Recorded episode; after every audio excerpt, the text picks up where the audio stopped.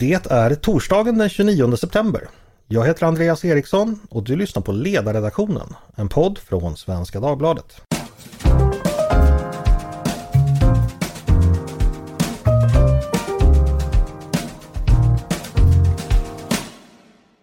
Varmt välkomna! Sverige går in i en lågkonjunktur. Det förklarade Konjunkturinstitutet igår när man kom med sin senaste prognos.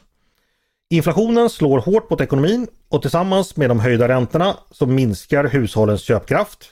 Vi vanliga människor får helt enkelt mindre pengar att röra sig med. Detta samtidigt som en vikande global konjunktur drabbar den svenska exportnäringen. Bistra tider väntar alltså. Nästa år väntas den svenska ekonomin krympa med 0,1 procent. Vad finns det mer detaljerat att säga om det här ekonomiska läget? Vad är orsaken till det? Och hur kommer vi som vanliga svenska hushåll och hur kommer våra företag att drabbas? Och inte minst, hur mycket kan och ska vi lita på ekonomiska framtidsprognoser? Det ska vi prata om med dagens gäst som är Konjunkturinstitutets prognoschef Ylva Hedén Westerdahl. Välkommen hit Ylva! Tack så mycket! Jag tänkte också vi skulle prata lite om prognosskapandets ädla konst generellt, hur man, hur man helt enkelt går tillväga. Eh, tänkte bara kort börja med dig Ylva. Ylva, du har varit i din nuvarande position, är det sedan 2017? Ja, det stämmer. Ja. Just det. Mm. Och vad gjorde du innan du kom till Konjunkturinstitutet? Då var jag eh, chef för nationalräkenskaperna för, på Statistiska centralbyrån och innan dess så gjorde jag prognoser och var prognoschef även på Finansdepartementet. Mestadels ja. Anders Borg. Så du har koll på detta område. Eh, om, om, vi ska bara börja prata eh, väldigt, väldigt generellt och om du får utveckla det, det, lite det jag nämnde i inledningen.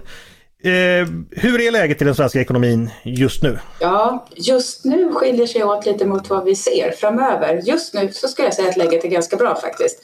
Eh, tillväxten har varit snabb, vi ser att sysselsättningen stiger så arbetslösheten har ju kommit ner och fortsätter att falla en liten stund. Men eh, sen när vi tittar och blickar framåt så ser det ju ganska så mycket sämre ut. Eh, ekonomin vänder snabbt och det beror ju på att hushållen har fått det knaprare. De höga priserna, elpriserna, räntorna slår på hushållens ekonomi och de drar ner på sin efterfrågan. Så i början av nästa år så säger vi då går vi in i en lågkonjunktur. Mm. Eh, och om vi jämför då med tidigare nedgångar, lågkonjunkturer sker ju lite då och då. Eh, vet vi någonting om den här lågkonjunkturen? Blir den djupare än vanligt eller blir den grundare så att säga? Finns det någonting vi kan säga om det? Ja, det är svårt att säga vad som är en vanlig lågkonjunktur. Ofta så drabbas det vid liksom finanskris, pandemin, IT-chock, någonting händer. Så konjunkturnedgångar är oftast ganska så olika för de beror på olika saker. Så därför är det svårt att jämföra konjunkturnedgångar. Eh, men om man då ser djupet på den här tänker vi inte bli som finanskrisen eller pandemin utan det blir nog mera en ja, lagom eller normalstor nedgång så, inte en jättedjup men eh, det, det är svårt att säga en siffra hur, hur djup den här blir. Mm. Eh, när vi kommer in och ändå pratar om prognosmakande, var den här nedgången någonting ni kunde se i er förra prognos eller är den ny för, för den här gången? Nej, vi har sagt det här några gånger faktiskt. Vi har sett det här sedan åtminstone i juni eh, så har vi sagt att eh, lågkonjunkturen står för dörren eller kommer komma nästa år. Eh, så sedan dess har vi sett att det här ska komma. Eh, innan dess så trodde vi nog att eh, flyktingkrisen skulle driva på offentlig konsumtion och göra att vi nästan gick in i en högkonjunktur. Men den bilden fick vi ju ändra på. Så, men sen såg vi i juni hur snarare det skulle utvecklas framöver. Mm. Vad finns det att säga om Sverige i förhållande till andra länder om man jämför då, ja, kanske främst våra grannländer? Är vi i ungefär samma läge i Norden, alla länder, eller skiljer sig Sverige på något sätt? Nej, det som skiljer är nog snarare Norden mot resten av Europa, eller EU-länderna. Eh, pandemin påverkade inte oss här i Norden lika mycket så BNP-fallet som vi säger blev inte så djupt och vi har återhämtat oss, återhämtat oss till en högre nivå. Återhämtning har ju skett i EU-områden också men det är inte alla länder där som har kommit upp och förbi den nivå vi var innan vi gick in i pandemin. Till exempel som Spanien som påverkas mycket av nedstängningar av turistnäring. Eh, och EU som helhet har kommit upp i nivå men inte förbi så långt. Så där har vi ju i Norden klarat oss ganska så mycket bättre faktiskt än vad andra länder har gjort. Mm. Hur, länge, hur, hur lång respit fick vi mellan pandemin och den här nya lågkonjunkturen vi ser runt hörnet. Det var inte så lång tid va? Nej, verkligen inte. Vi såg ju då ja, redan eller år, i början på året så hade vi ju väldigt svag tillväxt. Vi stannade ju hemma. Eh, det var ju ja, pandemirestriktioner, det hade inte stängt, släppt så vi hade liksom en väldigt svag konsumtion eller tillväxt i konsumtionen det första kvartalet i år. Så eh, det kändes nog ganska så tufft. Sen hade vi en bra och trevlig sommar och så är det här som kommer. Men eh, ja, nej, ur askan i elden, verkligen. Mm. Sammanfatta läget. Mm. Eh, vi ska gå ner lite mer detaljerat på lite olika orsaker. Eh, det här med att eh, konjunkturen verkar vika globalt och vi är ju som vi brukar säga ett exportberoende land. Hur, hur stor del eh, är det av problembilden så att säga att vi vi har en vikande global konjunktur. Jo men det är jätteviktigt. Exporten som du sa driver mycket av våran tillväxt och är väldigt viktigt för tillverkningsindustrin. Frågar man företag, vi har en företagsenkät, så frågar man nu tillverkningsindustrin som vi gör så har de legat på rekordhöga nivåer vad det gäller förtroende. Eh, den har vikit ner men det är fortfarande på vad vi säger plus och inte plus plus. Så, så tillverkningsindustrin har fortfarande tillförsikt. Och det kanske man kan undra, men fattar de inte vad som pågår? Men de har ju då välfyllda orderböcker i dagsläget som de måste liksom beta av. De orderna vad jag förstår har inte dragits tillbaka. Men orderingången, alltså nya ordrar, viker. Eh, så framöver, nästa år, och så de här, det här är ju en fråga på tre månaders sikt. Så, mm. eh, och nuläget, så det, det får man ju ha med sig. Så lite längre fram när eh, omvärlden viker, till efterfrågan där viker, ja då kommer även den svenska tillverkningsindustrin och exporten att påverkas negativt. Och exportmarknadstillväxten växer svagt med ungefär 2% jämfört med dryga 5 och då pratar vi då efter årsskiftet, det är ja. då nedgången kommer ja, att märkas? Ja, det är en bit Ja, precis. Mm. Say hello to a new era of mental health care. Cerebral is here to help you achieve your mental wellness goals with professional therapy and medication management support. 100% online. you'll experience the all new Cerebral Way, an innovative approach to mental wellness designed around you. You'll get a personalized treatment plan from a therapist, prescriber, or both in a safe and judgment free space. Your cerebral therapist or prescriber will outline a customized plan with clear milestones along the way so you can get to feeling your best. With Cerebral, you're not alone in your mental health journey. We're here to empower you to live a fulfilling life. So take that first step towards a brighter future and sign up today at cerebral.com slash podcast and use code ACasts to get 15% off your first month. Offer only valid on monthly plans. Other exclusions may apply. Offer ends July 31st, 2024. See site for details. Ni skriver också i en rapport att eh, hushållen är eh, har en pessimism som är på historiskt eh, höga nivåer. Kan du utveckla det? Alltså hur, hur, hur mörkt ser vi på framtiden vid, vi hushåll? Ja, det är samma sak där. Det är, vi har ju gjort de här mätningarna till hushållen sedan mitten av 70-talet och så här pass låga förtroendeindikatorer eller förtroende hos eh, hushållen har vi inte sett tidigare. De är mycket lägre än vad de var i förhållande till finanskrisen och i förhållande till pandemin. Och mycket så beror ju det här på hur man ser på sin egen ekonomi. De stigande elpriserna, de, den höga inflationen, räntehöjningarna. Det slår mot alla hushåll. Vanligtvis så en kris kanske slår mot de som är mest utsatta, de som blir av med jobbet först, eh, de som har svagast anknytning till arbetsmarknaden. Eh, men här är det även eh, ja, medel och höginkomsttagare som känner av eh, högre räntor, att eh, allting blir dyrare, de har, det blir dyrt att värma villan och så. så. På så sätt så är det alla som drabbas. Men tittar vi mm. noggrannare så säger inte alla att det blir jättemycket värre utan att det kommer att bli ja, något värre. Så man får mm. ta det där, ja, modifiera siffran lite tycker jag ändå. Okej, vi är pessimistiska men kanske inte fullt så pessimistiska. Nej, liksom, ibland ger statistiken där mäter vi då hur många hushåll säger att det blir sämre. Både mycket sämre och något sämre. Det är samma svar i när vi lägger ihop svaren och då det vägs inte med ja, graderna i helvetet om vi säger så. Jag måste ändå fråga, du nämnde att ni hade väldigt långa tidsserier här. Om du jämför med den stora krisen på 90-talet, hur ser hushållens eh, eh, förtroende ut nu jämfört med då? Oj, nu satte du mig lite på... Eh, ja, det, de följer då också såklart, men vi har inte sett så här låga eh, siffror förut. Nej, inte någon gång på, på så länge. Ja, det, det är intressant i sig. Eh, du, eh, en annan diskussion det handlar ju om då hur, hur inkomsterna utvecklar sig.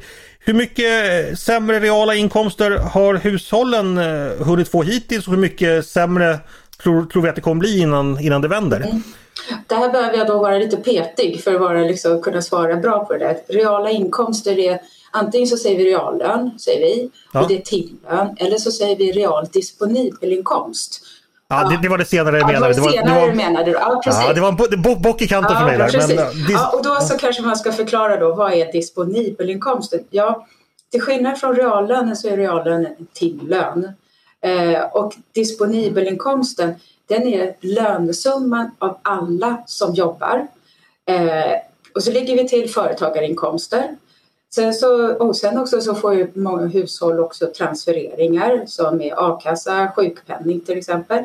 Man drar bort skatten. Vi lägger till att, för, att hushåll får ränteinkomster, drar bort ränteutgifter och lägger till aktieutdelningar. Så det är många saker där som påverkar. Och då när vi tittar på det här så har ju faktiskt inte real, den reala disponibelinkomsten fallit alls i samma utsträckning som reallönen. Reallönen, det hör vi ju dagligen, oj den kommer falla med 5-6 procent i år. Eh, och nästa år så blir den också negativ. Disponibelinkomsten faller i år med ungefär en halv procent till en procent och nästa år så kommer den att växa igen. Så det är inte eh, Eh, det ger inte riktigt samma alarmistiska syn. Nu ska vi säga att när real disponibelinkomsten växer som vi säger med 0,2 procent nästa år så är det en väldigt svag tillväxt. Den brukar växa med 2-2,5 procent. Så det är klart att det är sämre än vanligt. Mm. Men, men, eh, det intressanta här är ju då att om vi bortser från, eh, eller vi kompletterar bilden av lönerna med andra typer av inkomster, mm. då, då, blir bilden inte lika svart helt enkelt. Precis, och där ska vi kanske lägga till då att i våran prognos och likadant som Riksbanken och många andra prognosmakare har sin prognos, så har vi lagt in en eh, elpriskompensation till hushållen på ungefär 50 miljarder från och med nästa år. Så det buffrar ju upp eh, disponibelinkomsten också såklart. Men den vet vi inte hur den kommer se ut eller ens om Nej, den det, kommer materialiseras? Att den kommer materialiseras det tror jag nog att vi kan vara ganska säkra på. Ja, det kan jag köpa ja, också. Föregående regering och tillträdande regering har sagt att någonting kommer att ske. Eh, och i den här häraden skulle jag säga. Men för hushållens skull, så, eh, det är inom min konsumtion, så jag vet inte när. Jag vet inte om jag får den. Jag vet inte hur mycket. Hur kommer den utformas? Så, och det gör ju att eh, som individ så håller man nog tillbaka på sin konsumtion mer än vad man kanske annars skulle behöva göra redan nu. För man känner att ja, de här osäkra tiderna som vi går in i, det måste jag spara inför. Mm. Vi ska återkomma till eh, politikens mm. eventuella svar på det här. Men jag tänkte fråga, inflationen är ju någonting som dominerar nyhetsflödet. Vad eh, ser ni framöver där? Fortsätter inflationen att öka och hur länge då och när vänder det? Ja, tyvärr fortsätter den uppåt är vår bedömning. Den kom, det, där driver ju då elprisutvecklingen på eh, den. Även om inte den är den största komponenten i inflationen Om vi tittar på vilka bidrag. Så den kommer att stiga och toppa på ungefär 11 procent tror vi i, vid vintermånaderna där vid januari, februari.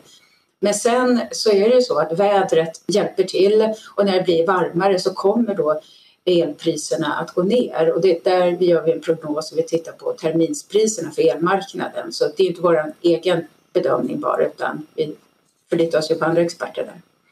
Mm.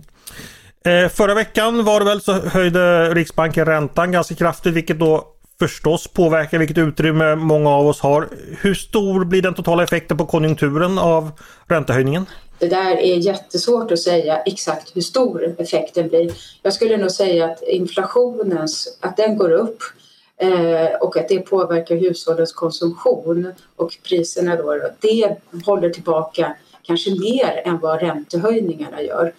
Eh, man får, det man vet är liksom att räntehöjningar de slår ju in med fördröjning och påverkar då tillväxten negativt, kanske dröjer ett år och likaså inflation, arbetslösheten höjs och det gör det då svårare för företagen att höja, eh, höja priserna och det trycker ner inflationen. Så det här är en osäker, osäkert för centralbankerna att veta liksom, hur mycket ska man ta i idag. Eh, men det som är viktigt, det som de främst vill göra, tänker vi har också jobbat på som Riksbanken, det är ju att man vill förankra och försäkra sig om att hushåll och företag i gemen tror att central, Riksbanken kan komma tillbaka till en inflation på 2% att man har inflationsmålet, att det är väldigt viktigt. Så förankra inflationsförväntningarna är jätteviktigt och det är det man mm. kan göra på ganska så kort tid. Då. Och när, när tror ni att eh, inflationen är nere i i, i trakten av inflationsmålet? Ja, igen. vi tror ju då på grund av att elpriserna faller så fort så kommer vi till och med gå under inflationsmålet. Det kommer ner mot ja, en halv procent ungefär i slutet av nästa år. Men om man räknar bort energipriserna och dess effekt så ligger vi ungefär på 2 procent mot slutet av nästa år. Mm. För en sak jag funderar här. Eh, I tidigare lågkonjunkturer har det ju ofta ah, man använt liksom penningpolitiska stimulansåtgärder. Man har sänkt räntan för att eh, så att säga i, i Ja det är ju liksom den klassiska mm. makroekonomiska regeln man hade. Nu är det så att vi går in i lågkonjunktur och höjer räntan vilket så att säga spär på lågkonjunkturen så tillvida att köpkraften försämras. Hur påverkar det ert prognosmakande? Så att säga? Blir det en mer komplex situation eller eh, vad finns det att säga om det? Nej, jag skulle säga att det är det som är förväntan. Jag menar, nu har vi en hög inflation. Till viss del är den efterfrågedriven, men den är mestadels utbudsdriven. Men att man höjer räntan och får ner då efterfrågan i ekonomin, eh, det höjer ju då arbetslösheten också. Det är vad vi förväntar oss. Det är det som Riksbanken har. Det vet alla. Så jag skulle inte säga att det förväntar sig, eh, förväntas. Däremot när vi då eh, det gör ju då till exempel till skillnad från andra eh, lågkonjunkturer när vi gick in i finanskrisen. Ja, då kunde ju centralbanken då sänka räntan för att motverka effekterna av den låga konjunkturen. Då var inte inflationen ett problem. Så det gjorde det ju, då var det ju lättare. Eh, nu eh, är det ju både, kommer vi få låg tillväxt och fortfarande stigande eh, priser. Så det är klart att det är en utmaning för centralbanken men ingenting oväntat, effekterna av det. Eh, vi ska eh, gå vidare och prata lite på eh, politikens svar på det här. Vi har redan nämnt då kompensation för elkostnaden vilket då, ja det kommer ju dyka upp på, på ett eller annat sätt. Finns det några andra eh, åtgärder som politiken skulle kunna ta som eh, skulle kunna påverka er prognos? Är det några ni har tagit höjd för att det här kommer hända eller det skulle förändras eller, eller så vidare? Jag tänker så här, eller som vi på Konjunkturinstitutet säger, då är det ju att vi kan inte, nu efter pandemin har ju då regeringar överallt gått in och stöttat hushåll. Man har ju inte kunnat gå till jobbet. Nu mm. så är det också en snabb uppgång i elpriserna och då försöker man kompensera hushållen för det, eller kommer försöka göra det. Men man ska inte förvänta sig att alla motgångar som hushåll och företag får kan kompenseras bort av Eh, Eh, staten. Det, det ska vi inte räkna med.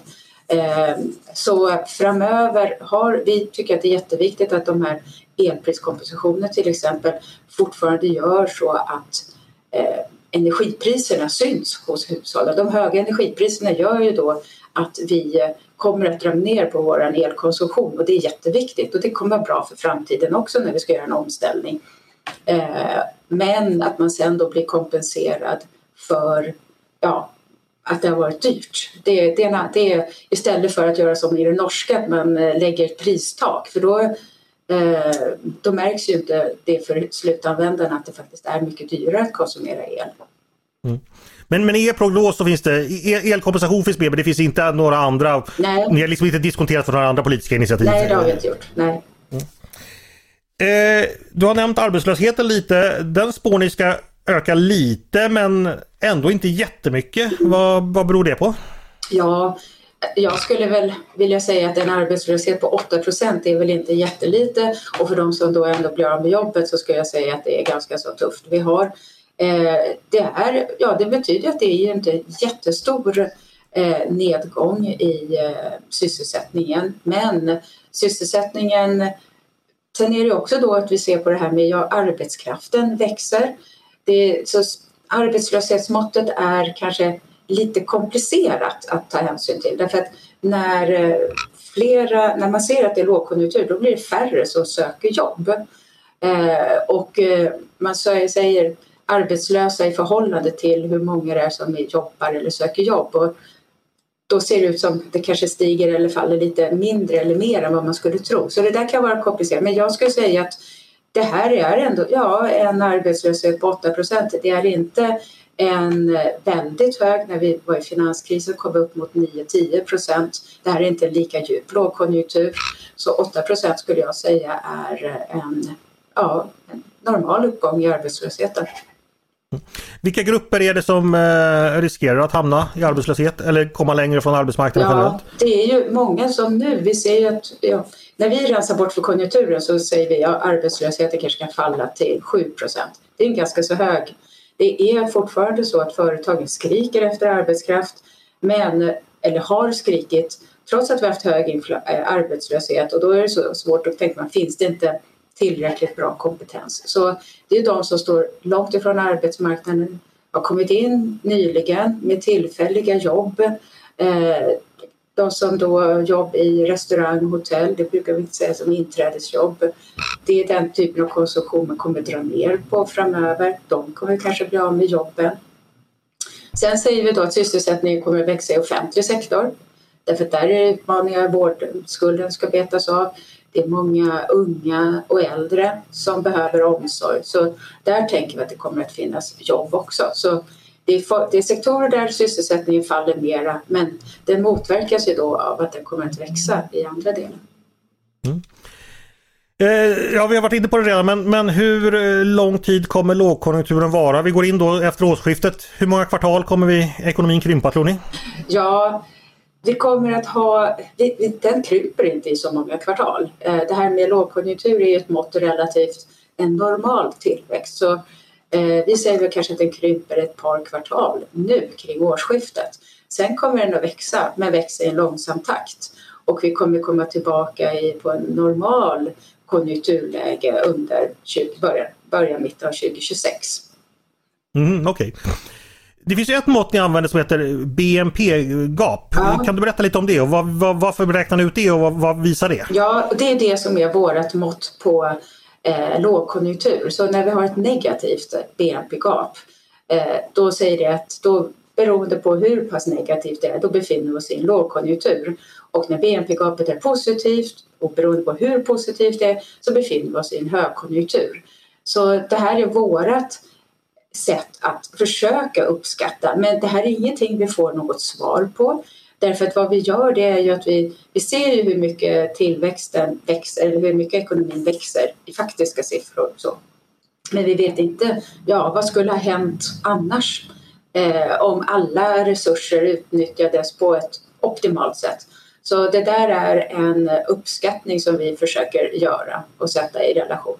Så eh, ja, men BNP-gapet kan man säga att det, det, det är ett mått på relationen mellan nuläget och vad det skulle kunnat vara optimalt i ekonomin? Ja, optimalt eller när resurserna utnyttjas normalt sett skulle jag säga. Normalt, I normalt konjunkturläge, ja. Mm.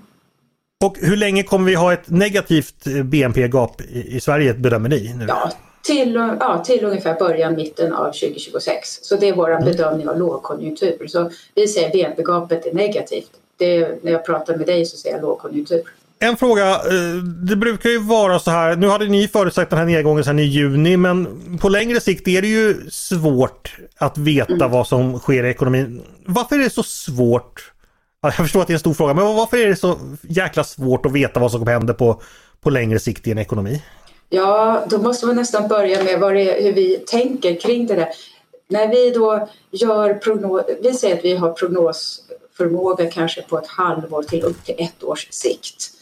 Mm. Eh, och vad, det brukar vara så att det inträffar olika djävulstyg kan man säga. Att det blir krig, att det blir pandemi. Eh, sånt här händer, finanskris. Eh, när vi då sen blickar framåt så kommer det säkerligen att hända olika saker. Men det är väldigt, väldigt svårt att förutse de här chockerna som vi säger. Eh, de kan inträffa åt olika håll. Eh, vi kan försöka, så vi gör inte prognos på, vi vet att de kommer att ske, men när de är lite längre bort, längre bort än kanske ett år i tiden eller så, så kan vi inte försöka bedöma dem. Det är som att eh, det skulle vara eh, oansvarigt tycker jag. Mm.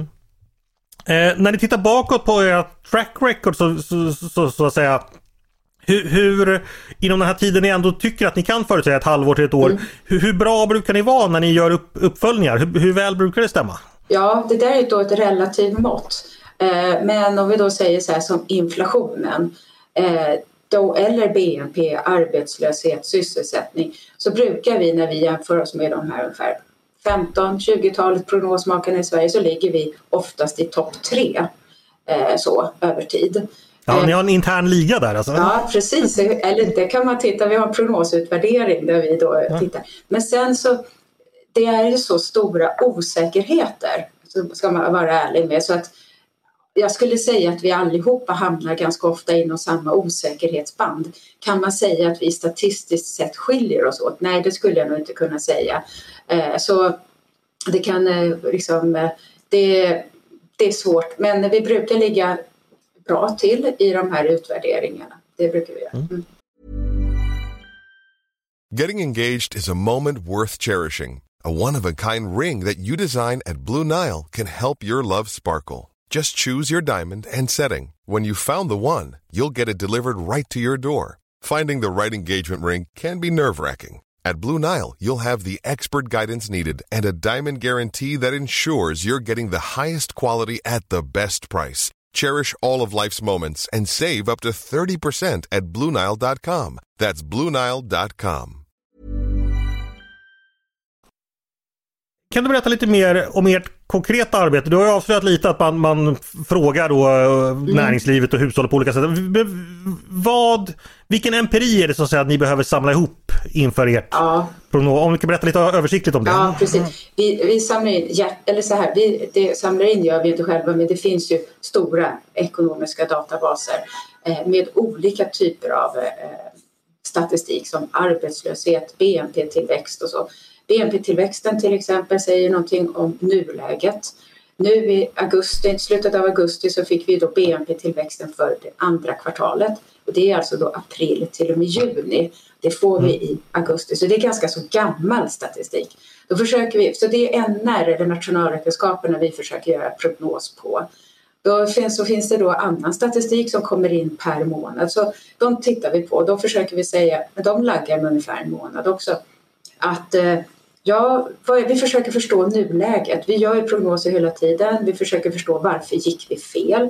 Förra prognosen, det försöker vi sedan ta in. Sen använder vi oss av kortsiktsmodeller där vi då ser så här, ja okej, okay, givet att den här statistiken är utvecklad på det här sättet, vad skulle den då Ja, vad skulle den modellen då säga om utvecklingen framöver? Och så tittar vi på det och så uh, vad konstigt. Så det, det kan väl inte stämma, säger vi. Det verkar ju liksom, det tror vi inte. Men då får jag komma ihåg, modellen tittar ju på de här siffrorna helt opåverkat av eh, annat. Vi vet inte varför siffrorna rör sig åt det ena eller andra hållet. Så då får man ju lägga på liksom eh, erfarenhet och klokskap och göra bedömningar så, om nuläget. Så det är en blandning av att använda sig av nationalekonomisk teori och historiska samband men sen också då försöka förstå vad är det som händer här och nu. Vad är det som driver nedgången? Nu är det hushållen som blir fattigare eller är det en finanskris? Eller är det en IT-kris? Ja, vad, vad kommer... Eh, var, var, uppstår den här chocken? Man ska säga. Det är så... Mm. Blir ni bättre med tiden skulle du säga? Att ni, ni lär er bättre och bättre metoder? Ja, så här. Det är nog svårt att säga att liksom prognoserna blir bättre egentligen. Men jag tycker att vi lär oss ju alltid eh, av historien. Vi vet, förut så tog man ju inte in finansiella faktorer på samma sätt. Det har vi förstått nu att det påverkar väldigt mycket mer, ja sen finanskrisen, eh, olika skeenden.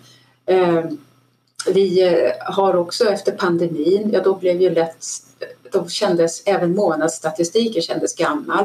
Så då tittar vi på andra, nu tittar vi liksom på veckovisa transaktioner, liksom banktransaktioner eller korttransaktioner så vi kan följa hushållens konsumtion. Så ja, vi, man utvecklar metoderna, det gör vi ju ständigt. Mm. För jag vet ju att under pandemin när så mycket förändrades på en gång mm. som inte hade förändrats tidigare. Eh, då var det, eller upplevde ni det att det var ett delvis nytt läge, ni fick arbeta lite på nytt sätt. Kan du berätta lite om det? Hur, hur, hur var det att förutsäga eh, eller avläsa ekonomin under pandemin när det var som värst? Ja, det var ju det som var problemet. Det gick ju inte att avläsa ekonomin. Vi visste att det här måste ju gå käpprätt ner. Men hur mycket käpprätt? Det var liksom ingen som kunde veta. Jag kan bara ge ett exempel. Vi skulle publicera vår prognos i mars 2000 och eh, det blev ju covid-restriktioner i slutet eh, den 16 mars. Då har ju vi en enkätundersökning som kommer i slutet av mars. Jättebra tänker man. Men svaren kommer för det mesta mellan den för, eller är insamlade mellan den första och 15 mars. Och de flesta svarar den första veckan. Så och det vet vi om vi kommer ihåg att då åkte folk på sportlov och var iväg i Spanien eller i Alperna och så. Och då, fatt, då fattade man inte vad som hände. Så mm. den statistiken fick ju vi då i slutet av mars och det visste ju vi att men, det här säger ju ingenting. Det var inte förrän i april vi kunde få. Så då fick vi, tänkte vi så här, nej men vi måste fråga företagen. Vi ber om ursäkt med var, varannan vecka istället. Just det. Eh, vi ska börja avrunda. Jag antar att ni redan har påbörjat arbetet med nästa prognos. När är nästa publiceringsläge för er? Ja, riktigt så mycket prognos. Vi publicerade igår. Så ja. nu börjar vi med nästa prognos i slutet av november och publicerar i den vad blir, 21 december. Nu ska vi skriva ja. en lönebildningsrapport. Mm. Okej, okay. mm. det blir en julklapp då med ja, en ny konjunkturrapport. Ja. Mm. Du, eh, sista fråga. Läget i ekonomin i, ser ju ganska bistert ut som vi har pratat om mycket här. Eh, finns det några goda nyheter du skulle vilja, eller mm, po- lite hopp så här, avslutningsvis som du skulle vilja peka på som du tycker ändå man ska ha med sig framöver? Ja, nej men jag, jag tycker man kan ta eh, avstamp i, vi, när vi gör, eh, frågar folk så är man ännu så länge inte rädd för att bli av med jobbet faktiskt. Så det tycker jag är eh, en tillförsikt. Så att även om eh, man känner sig fattigare så tänker man, men jag har ju kvar jobbet. Det tycker jag är ja. bra.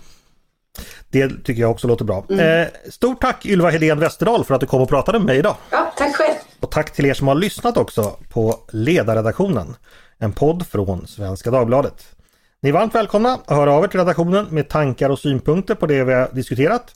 Eller om ni vill skicka in lite indikatorer så kan jag ta emot dem och vidarebefordra dem till Ylva. Eller om ni har idéer och förslag på det vi ska ta upp i framtiden. Maila då mig på ledarsidan snabla svd.se. Med det vill jag säga tack för idag och berätta att dagens producent han heter Jesper Sandström och att jag heter Andreas Eriksson och jag hoppas att vi hörs igen snart.